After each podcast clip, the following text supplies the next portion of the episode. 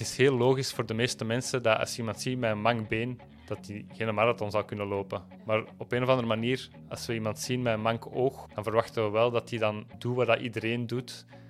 Mijn naam is Eline en ik werk bij Ellen Plus Ziekenfonds. In deze aflevering van onze podcast De Comeback praat ik met Michael Lievens over wat scheelzien echt inhoudt. Want mensen zien meestal de loenzende ogen, maar niet de gevolgen die de aandoening of beperking met zich meebrengt. Ja, dan zou ik al zo vermoeid zijn en eigenlijk beginnen crashen en een soort uh, meltdown krijgen, een fysieke meltdown. Michael moet hard werken, veel harder dan iemand anders, om zaken voor elkaar te krijgen die anderen eigenlijk vanzelfsprekend vinden. En dat heeft in zijn verleden meer dan eens geleid tot frustratie. Maar op een dag ontdekt hij de mogelijkheden van visuele therapie. Ik had de mogelijkheid van een gezin eigenlijk al afgeschreven. Hè. Een normaal werkleven, normaal financieel leven en een normaal gezinsleven, dat was al eigenlijk ondenkbaar voor mij. Hoe vind je jouw plaats in een maatschappij die alles anders ziet? In deze podcastserie luister ik naar het persoonlijke verhaal van gewone mensen die door ziekte of een ongeval een nieuw levenspad moeten zoeken. Een verhaal dat je soms anders naar het leven doet kijken. Dit is de comeback. Welkom. Het is eind februari en ik bevind me in een Brusselse gemeente voor een gesprek met Michael Lievens. Aan zijn ogen is eigenlijk niets te zien, maar toch leidt Michael aan de aandoening scheelzien. Hij ontvangt ons in een kamer die opvalt door visuele hulpmiddelen aan de muur en aan het plafond. Hey, dag Michael. Ik stel voor dat we beginnen met even te luisteren wie jij bent. Stel jezelf gerust even voor. Ik ben Michael Lievens en ik ben uh, nu momenteel 33 jaar. En ik ben getrouwd en heb een, een, dochter van twee en een tweede kind onderweg. En ik ben de oprichter van scheelzin.org VZ2. Ik had begrepen dat je al van je drie jaar scheel ziet. Misschien een domme vraag, maar is dat aangeboren of heb je daar een bepaalde genetische of erfelijke aanleg voor? Hm. In mijn geval is het niet aangeboren en waarschijnlijk ook niet genetisch uh, bepaald. Mm -hmm. Bij 50 à 60 procent van de kinderen staan in de eerste zes maanden de ogen niet altijd mooi uitgelijnd. Mm Dan die groeien daaruit en die rijpen, dan worden de ogen mooi uitgelijnd. Maar dan bij een bepaald percentage van kinderen gebeurt dat niet en die blijven dan scheel staan. Okay. In mijn specifiek geval mhm. is het begonnen toen ik drie jaar was. En dat is een specifieke vorm van scheelzien die heet accommodatief scheelzien. En dat gebeurt bij kinderen die bijvoorbeeld verziend zijn. Mhm. En die verziendheid wordt niet gedetecteerd door een oogarts of door kind en gezin bijvoorbeeld. Maar dus mijn moeder kreeg niet op tijd uh, een signaal. En, en pas de derde oogarts uh, heeft die verziendheid gedetecteerd, of heeft op zijn minst daar een bril voor voorgeschreven. Maar op dat moment uh, stonden mijn ogen al permanent scheel. En dat is dus eigenlijk, in mijn geval was dat volledig te, te voorkomen. Je keek als kind scheel. Werd je daar eigenlijk over aangesproken? Of zelf erger misschien, werd je daardoor gepest? Ik persoonlijk ben daar nooit mee gepest geweest. Vaak wordt de nadruk inderdaad gelegd op het cosmetische of het uh, esthetische bij die mhm. kinderen. Maar hoe dat je eruit ziet, in principe, ja, dat is belangrijk. Maar het is vooral belangrijk hoe dat je functioneert en hoe dat je hersenen de ogen gebruiken. Het is niet door dat pesten bijvoorbeeld dat mijn zelfbeeld was aangetast.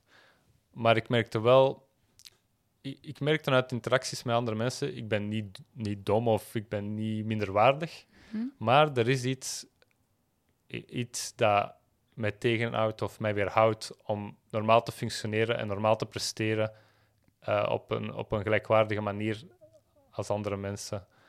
Het is heel logisch voor de meeste mensen dat als iemand ziet met een mang been, dat hij geen marathon zou kunnen lopen. Maar op een of andere manier, als we iemand zien met een mank oog, dan verwachten we wel dat hij dan doet wat dat iedereen doet en kan lezen zoals iedereen, kan leren zoals iedereen. En zo word, ik dan, zo word je dan ook behandeld. Op een of andere reden wordt dat in de maatschappij zo niet erkend van dit is een, misschien een functioneel of een, uh, echt een praktisch probleem. Ja. En je wordt dan ook zo behandeld door de, de artsen en de leerkrachten en dan uiteindelijk ook je ouders. En als, als er dan iets niet lukt, is dat u, is uw schuld, uw persoonlijke schuld. Okay. Uh, en dat uiteindelijk dat reflecteert wel op je, op je zelfbeeld en ja. op hoe dat je voelt. En uiteindelijk heb je daar dan ook een complex over. En daarom was ik ook zo verbeterd om dan uiteindelijk mijn universitaire studies te proberen afwerken. Ook al had ik dat dubbelzicht, had ik de hoofdpijn daardoor, had ik, uh, ja, was ik mijn eigen haak in de grond aan het boren. gewoon door, door zodanig vast te klampen aan dat diploma of aan, aan dat alles proberen gelezen te krijgen, dat het niet meer ging. En uiteindelijk studeert je dan af helemaal kapot. Mhm. En dat diploma is niks. Allee, dat diploma is dat diploma, maar je kunt niet meer werken, niet meer functioneren. En dus op die manier heeft het lage zelfbeeld, dat dan eigenlijk ook eigenlijk je lage functionaliteit reflecteerde gewoon, Mhm. eh, wel een, een heel zware mentale impact gehad, initieel, eh, waar ik dan nu tien jaar later, of allee, veel jaren later, heb ik dat verwerkt en Ja. is dat wel oké. Je bent nu 33 jaar. Mhm. Hoe zit het met jouw zicht vandaag? Ik heb heel lang dubbelzicht gehad Ja. en zo. En vandaag, na vijf jaar eh, visuele therapie, en ik doe, zoals je ziet hier in mijn woonkamer, hangen er ook nog bepaalde oefeningen. Ja. Dus ik doe nog altijd onderhoudsoefeningen en ik hoop nog altijd verbetering te boeken. Maar ik heb nog altijd geen stereozicht. Eh, ik heb geen dubbelzicht meer, de meeste van de tijd. Maar het grootste probleem is dat mijn oogbewegingen... Mhm. Dus ik, ik, ik zie er niet meer scheel uit, zoals je kunt zien. Ja. Eh, maar om dat dubbelzicht te vermijden, moet ik nu altijd mijn ogen bewust uitlijnen. Dus dat is, dat is geen eh, automatisch proces zoals bij de meeste mensen die dat geleerd hebben op heel jonge leeftijd. Oké. Je moet daar altijd een inspanning voor doen. Michael moet zijn ogen continu uitlijnen. Die bewuste handelingen zijn op den duur zo vermoeiend dat ze een beperking vormen voor zijn activiteiten. Autorijden ben ik bijvoorbeeld beperkt tot een uur. Ja. Eh, elke dag neem ik een middagdutje. Ja. Eh, dat is niet omdat ik een kleine dochter heb, maar dat is voor mij. Gewoon om de dag eh, functioneel door te komen Ja. en dan eigenlijk mijn, mijn ogen, die oogbewegingen die te vermoeiend zijn, eigenlijk te resetten een Ja. beetje en dan terug redelijk fris het tweede deel van de dag te kunnen aanvatten en hopelijk toch functioneel te zijn. Bijvoorbeeld fietsen, lukt dat voor jou? Ja, dat lukt, maar de uitleiding van je ogen is Mhm. ook gelinkt aan je evenwichtsorgaan in je oren. Dus als het aan een tijd vermoeiend wordt om je ogen nog uit te lijnen, Ja. het is niet echt dat je niet meer scherp kunt zien, maar dat wordt allemaal te vermoeiend en dan wordt je duizelig. En dan, na een tijd kun je eigenlijk niks meer doen buiten even platte rust nemen en proberen resetten. Uiteindelijk, als je mij zou ontmoeten of we doen dingen samen, als ik goed uitgerust ben, zou je niet veel merken. En in het dagelijkse leven kan ik mijn, mijn plannen goed trekken. Het is gewoon de indeling van de dag die anders moet zijn en de lengte van de activiteiten die moeten aangepast worden. Kan je gaan werken? Heel mijn leven moet eigenlijk georganiseerd worden rond die beperking. Ja. En om dan, zoals ik eerder al uitlegde, om dan, eh, laten we zeggen, te pendelen naar een werk waar ik daar dan al groggy of duizelig zal aankomen Ja. en dan nog op een computer bijvoorbeeld werken of toch specifieke taken moet doen, Mhm. ja, dan zou ik al zo vermoeid zijn en eigenlijk beginnen crashen en een soort eh, meltdown krijgen, een Ja. fysieke meltdown. Ik, ik heb dat geprobeerd, hè, zo normaal te werken, maar dan ja, na een week zit eigenlijk al burned out. Ja, eh, dat het zo Ja, vermoeiend is. zo vermoeiend. Ja, dubbelzien, hoofdpijn, duizelig. Je leek eh, het eventjes niet meer goed te zien zitten, want je hebt ook twee zelfmoordpogingen ondernomen. Nee, ik, wel, ik heb één zelfmoordpoging inderdaad on- ondernomen Mhm. eh, toen ik 15 was en toen het humaniora echt te zwaar ook begon te worden. Ik voelde ook gewoon in het algemeen, zoals ik al eerder aanhaalde, er is hier iets, een dit is één probleem of één eh, struikelblok in mijn leven, Ja. maar ik voelde al, op een of andere manier is het hier niet eerlijk en ben ik gewoon veel meer moeite aan het doen om dingen te proberen behalen die dan niet, die dan niet gewoon zijn. Of die dat te vermoeiend zijn, of die dat te pijnlijk zijn. En dus ik voelde al, ook al kan ik hier nog doorkomen, dan later aan de UNIF of op mijn werk gaat dat niet lukken. Ik voelde dat toen al. Ja. En zoals ik zei, ik heb mijn diploma behaald, maar het heeft tot niks geleid in feite. Dus je komt in zo'n uitzichtloze situatie. En elke inspanning die je doet, leidt eigenlijk tot niks. Hè? En dat is emotioneel heel zwaar. En dan ook, omdat ik er no- normaal uitzie ondertussen, door de operaties, Operaties. die functioneel dus niet hebben geholpen, maar wel cosmetisch. Ja. Eh, dan, uiteindelijk ben ik dan afgestudeerd met een goed dip- met een diploma. En je krijgt dan heel veel onbegrip van je omgeving. Van waarom doe je niet gewoon wat je moet doen? En, Ja.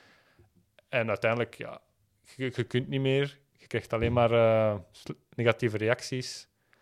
En je weet, ik moet nu werken. Ik moet nu zelfstandig worden. En ja, die druk is immens. En eh, ja, eh, dit was heel lastig. Michael wordt drie keer geopereerd aan zijn ogen en schuimt heel wat oogartsen af. En dan plots ontdekt hij op het internet het boek Fixing My Gaze van de Amerikaanse neurowetenschapper Susan Berry. Een nieuwe wereld opent zich voor hem. Susan Berry uh, is geel geboren uh, en beschrijft dan ook al haar moeilijkheden met leren en hoe dat ze eigenlijk haar carrièreopties heeft zien versmallen en uiteindelijk gelukkig toch in, is kunnen promoveren in de neurobiologie. Haar verhaal was eigenlijk tot op dat punt heel gelijkaardig met mijn verhaal. Maar op 48-jarige leeftijd heeft ze ook per toeval in Amerika uh, is dat, dat veld van functionele optometrie eigenlijk beter uitgebouwd. Dat is eigenlijk de visuele training of de visuele therapie. Mhm.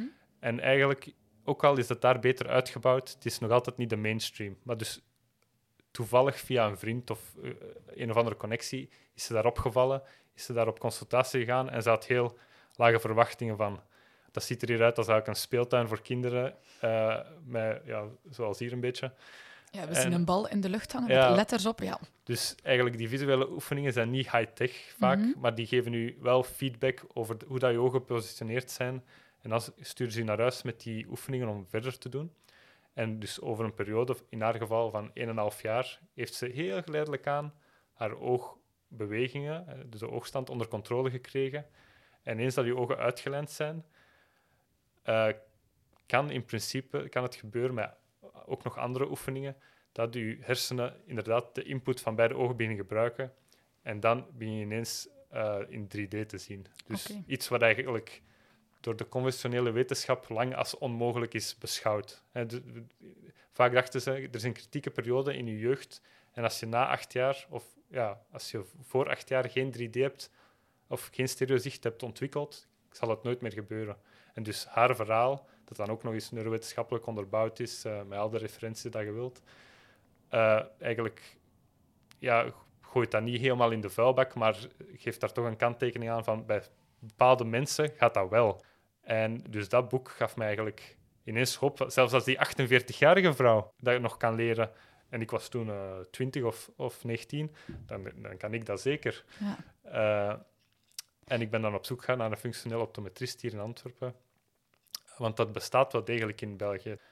En ik ben daar naartoe gegaan en eigenlijk kreeg ik geen goede prognose. Maar ik heb gezegd, ja, ofwel ga ik het proberen, zelfs eh, met de hoop der wanhoop, ofwel eh, is het gedaan, gewoon zoals ik Ja. u net heb uitgelegd. Oké. dus, ehm, voilà, ik ben begonnen en eigenlijk ja, over die loop, want bij mij heeft, ik heb het dan vijf jaar echt Getraind. ja, officieel gedaan. Maar ja, dus effectief in de metingen kon je dan elk jaar zien dat mijn oogstand verbeterde. Ja. Maar ik persoonlijk heb bijvoorbeeld niet die 3D-klik in mijn hersenen Ja. meegemaakt.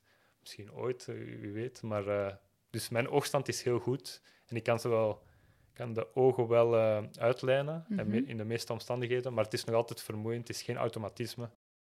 Michael omschrijft visuele therapie als kinesietherapie of logopedie van de ogen. In een eerste fase is het de bedoeling om via doelgerichte oefeningen meer controle te krijgen over de ogen. En dan, als je die ogen onder controle krijgt en motorisch uitgelijnd krijgt, Mhm.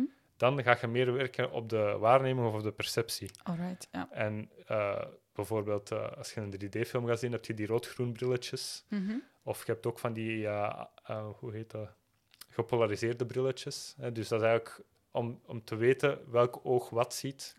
Eh, bijvoorbeeld die rood-groen brilletjes is dat heel aangenaam, want dan kun je weten, als ik alleen maar groen zie, dan kijk ik alleen maar met mijn ene oog. En als Ja. ik alleen maar rood zie, kijk ik alleen... Dus met die rood... eh, Je moet ofwel een soort oranje zien, dat echt al een goede fusie is van die twee kleuren, ofwel een soort mengeling dat zo... Niet samenhangt. eh, ja, voilà, maar dan weet je tenminste, ik ben met beide ogen aan het kijken. Oké.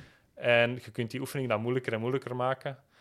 Ehm, en uiteindelijk kun je dan baby 3D ontwikkelen. Een beetje 3D hebben is dat een hele grote stap in. Ja. En, eh, ja. Dus die stap heb ik jammer genoeg niet, nog niet bereikt. Nee. Daarom dat het nog altijd vrij vermoeiend is om mijn ogen motorisch uit te lijnen. Oké. Ehm, ja. Want hoe zie je jouw visuele toekomst? Eh, je bent nu 33. Is jouw zicht nu stabiel of kan het nog verslechteren met ouder worden? Omdat ik van een onderontwikkeld visueel systeem kom Mhm. en ik blijf onderhoudsoefeningen doen en hopelijk verbetert het nog, Ja. Denk ik niet dat het nog zal verslechteren. Een verbetering valt nog af te wachten, dus Ja. we zullen zien. Maar ondertussen is mijn leven wel zodanig ontwikkeld of geëvolueerd dat zelfs als ik op dit niveau blijf, dat ik niet uh, dooddepressief ben of nog zelfmoord zal plegen of zo. Dus naast de beperking en het misschien niet conventioneel kunnen werken, ben ik wel, ook wel gelukkig met mijn gezin. Ja. En heb ik uh, een vrouw gevonden, gelukkig, die mij accepteert zoals ik ben. Wat, wat dat ook niet evident is, want... Het heeft ook een impact op, op jullie gezinsleven. Ja. Allee, voor haar ook, je kan bijvoorbeeld niet autorijden. Werken is moeilijk. Um, ik kan auto... Vooral duidelijk, ik kan, kan sorry, ja, maar niet lang.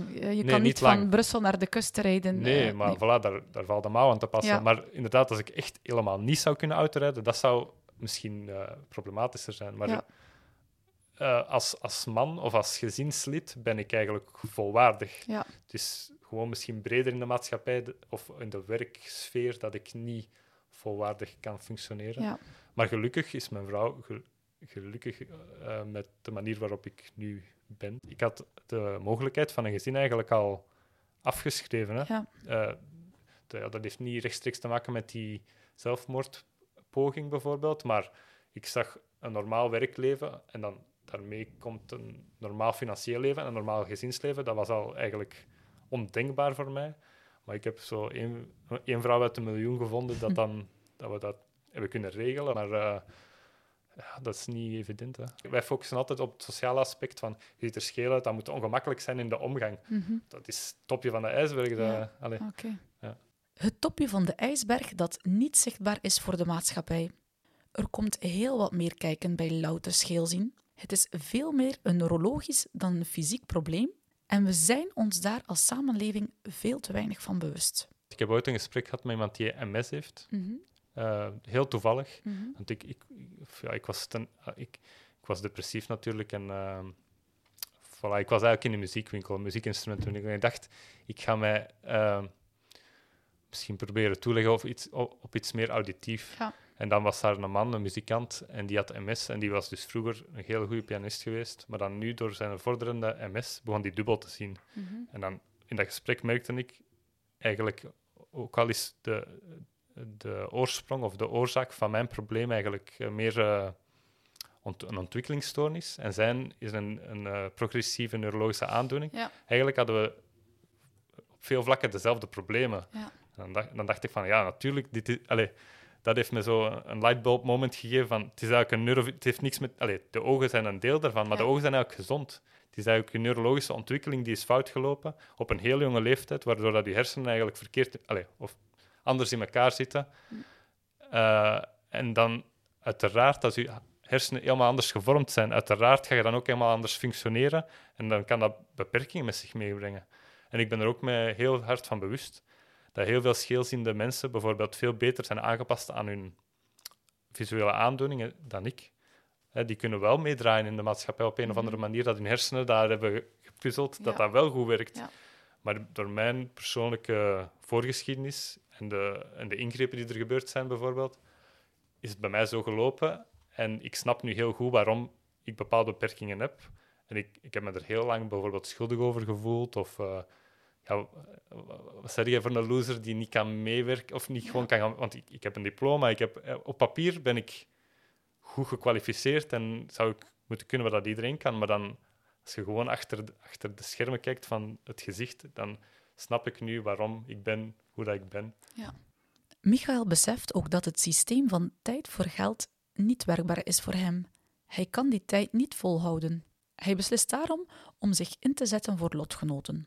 Onder jouw impuls en ook vanuit jouw verhaal, vanuit jouw ervaring, heb je de VZW Scheelzien.org opgericht. Wat doet Scheelzien.org en wie kan daarbij terecht? De doelstelling van de VZ2 is om patiënten of ouders van patiënten in staat te stellen om met evenwichtige, up-to-date informatie aan de slag te gaan en de juiste behandeling te, te vinden. Dus wij geven niet zelf behandelingen of Nee. zoiets, maar we proberen gewoon als ervaringsdeskundige, plus door het vertalen van Engelstalige boeken, zoals het boek dat ik eerder Fixing My aanhaalde, Gaze, ja. Eh, nu in het Nederlands eh, diep te leren zien, eh, proberen wij gewoon de informatie die beschikbaar is bij de ouders te brengen, zodat ze eigenlijk op een correcte manier kunnen beslissingen nemen. Want er is een, een grote lacune in de informatieverlening en eigenlijk ook zelfs de zorgverlening. Ja. En, ja. Voor alle duidelijkheid zijn er wel al zorgverleners die visuele therapie doen. En daar zijn nu ook met het ministerie van Volksgezondheid onderhandelingen rond van wat dat ze mogen doen en hoeveel ze mogen doen. En voilà, dus daar zit wel evolutie in. Mhm. Uh, maar inderdaad, het is, het is niet mainstream of het is niet bekend. Ja. En vanuit mijn ervaring, en de ik was eigenlijk heel. Ik, toen ik het boek Fictie My Gaze vond, was ik, had ik langs de ene kant heel veel hoop voor mijn eigen case, maar was ik ook woedend dat ik dat nog nooit had gehoord. Want het was al die tijd, zelfs als ik klein was, toen ik klein was, was het beschikbaar in Antwerpen. Ja. En we woonden heel dicht bij Antwerpen. Dus Ja. ik had perfect behandeld kunnen worden. Ja. En dan ja, daarbovenop natuurlijk had ik gewoon ook een bril kunnen krijgen dat ik nooit had scheel beginnen zien. Al mijn werk in de VZ2 heeft me daar ook bij geholpen om, om dat zelf te verwerken en dat te onderzoeken. En, en uiteindelijk word je dan ook zelf, allee, je, je begint jezelf te aanvaarden en je wordt daar dan meer zelfverzekerd in. Dat houdt je dan ook toe om in bepa- in bepaalde andere gebieden van je leven wel vooruitgang te boeken, bijvoorbeeld. Hè? Want Ja. als je daar bij de pakken blijft zitten eh, en gewoon altijd denkt, oh, waarom kan ik niet werken, waarom kan ik niet werken? Ja. eh, dan zit je bijvoorbeeld ook niet aantrekkelijk voor, eh, voor je vrouw. Of voor- Ja. allee, je moet niet depressief blijven omdat er iets mis is, bijvoorbeeld. Oké. En het is wel hartverwarmend dat dat dan uiteindelijk ook wel heel goede reacties teweeg heeft gebracht Ja. met dat boek dat we vertaald hebben en Ja. de evenementen dat we doen. Ehm, want in, die, in dat zorglandschap voor scheelzin is er effectief nog heel veel werk eh, en heel veel verouderde informatie die de ronde doet. Ja. En ouders appreciëren dat ook heel erg om van een volwassene die dat nog bewust, die dat bewust heeft meegemaakt en zich dat herinnert, Ja. Daar eh, specifieke informatie van te krijgen. Hoe dat ze hun kind het best zouden kunnen helpen, bijvoorbeeld. Oké. Hoe benader je iemand met een zichtbare visuele beperking? In die zin, kijk je de persoon in de ogen, vraag ik aan de persoon in kwestie van hoe wil je aangekeken worden? Of doe je beter alsof je het scheelzien niet ziet? Dat is een goede vraag en ik denk dat dat voornamelijk afhangt van de persoon natuurlijk. Maar ik ben niet meer zichtbaar scheel, dus ik heb, ik heb dat probleem niet meer, Nee. laten we zeggen. Maar als ik mijn evenementen organiseer, natuurlijk, zelfs ik kom dan, kom dan veel schele mensen tegen. En dan Ja. soms is het ook even van, ah, eh, hoe kijk ik naar u, Ja. hè, bijvoorbeeld.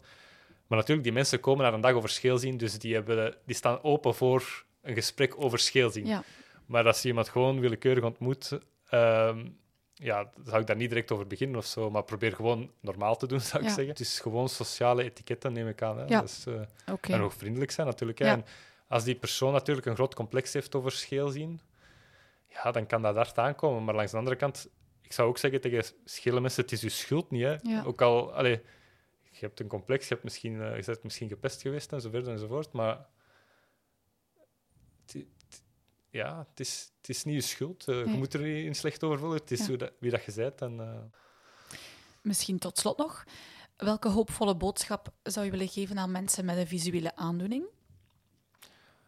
Ehm, voor mij denk ik het belangrijkste is dat je een soort stabiliteit vindt. Want zoals ik zei, mijn, mijn zicht is geëvolueerd doorheen de jaren. En het moeilijke is ook als je zicht niet stabiel is of je kunt er niet echt op rekenen en je weet ook niet hoe het zal zijn in de toekomst, dat je eigenlijk ook niet goed kan plannen.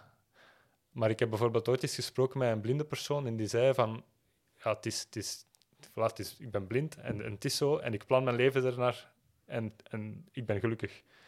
Dus ik zou zeggen, probeer een soort stabiliteit te vinden. Probeer te vinden wat dat lukt en wat dat niet lukt. En probeer je daar dan aan aan te passen.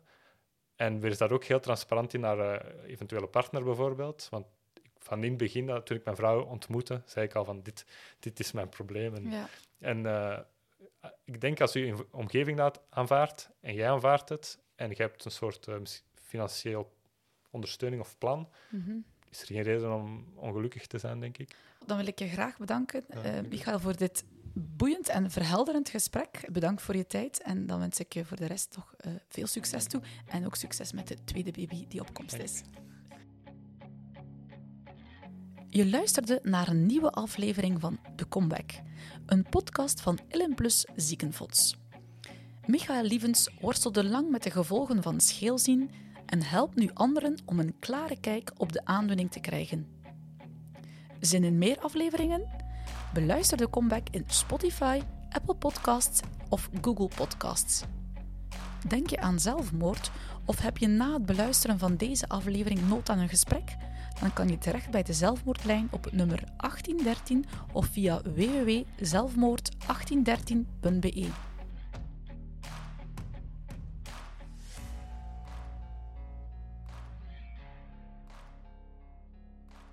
Wie je ook bent, wie je ook wil zijn. Welkom bij LM, jouw ziekenfonds voor ieder levensmoment. Kijk op lm.be.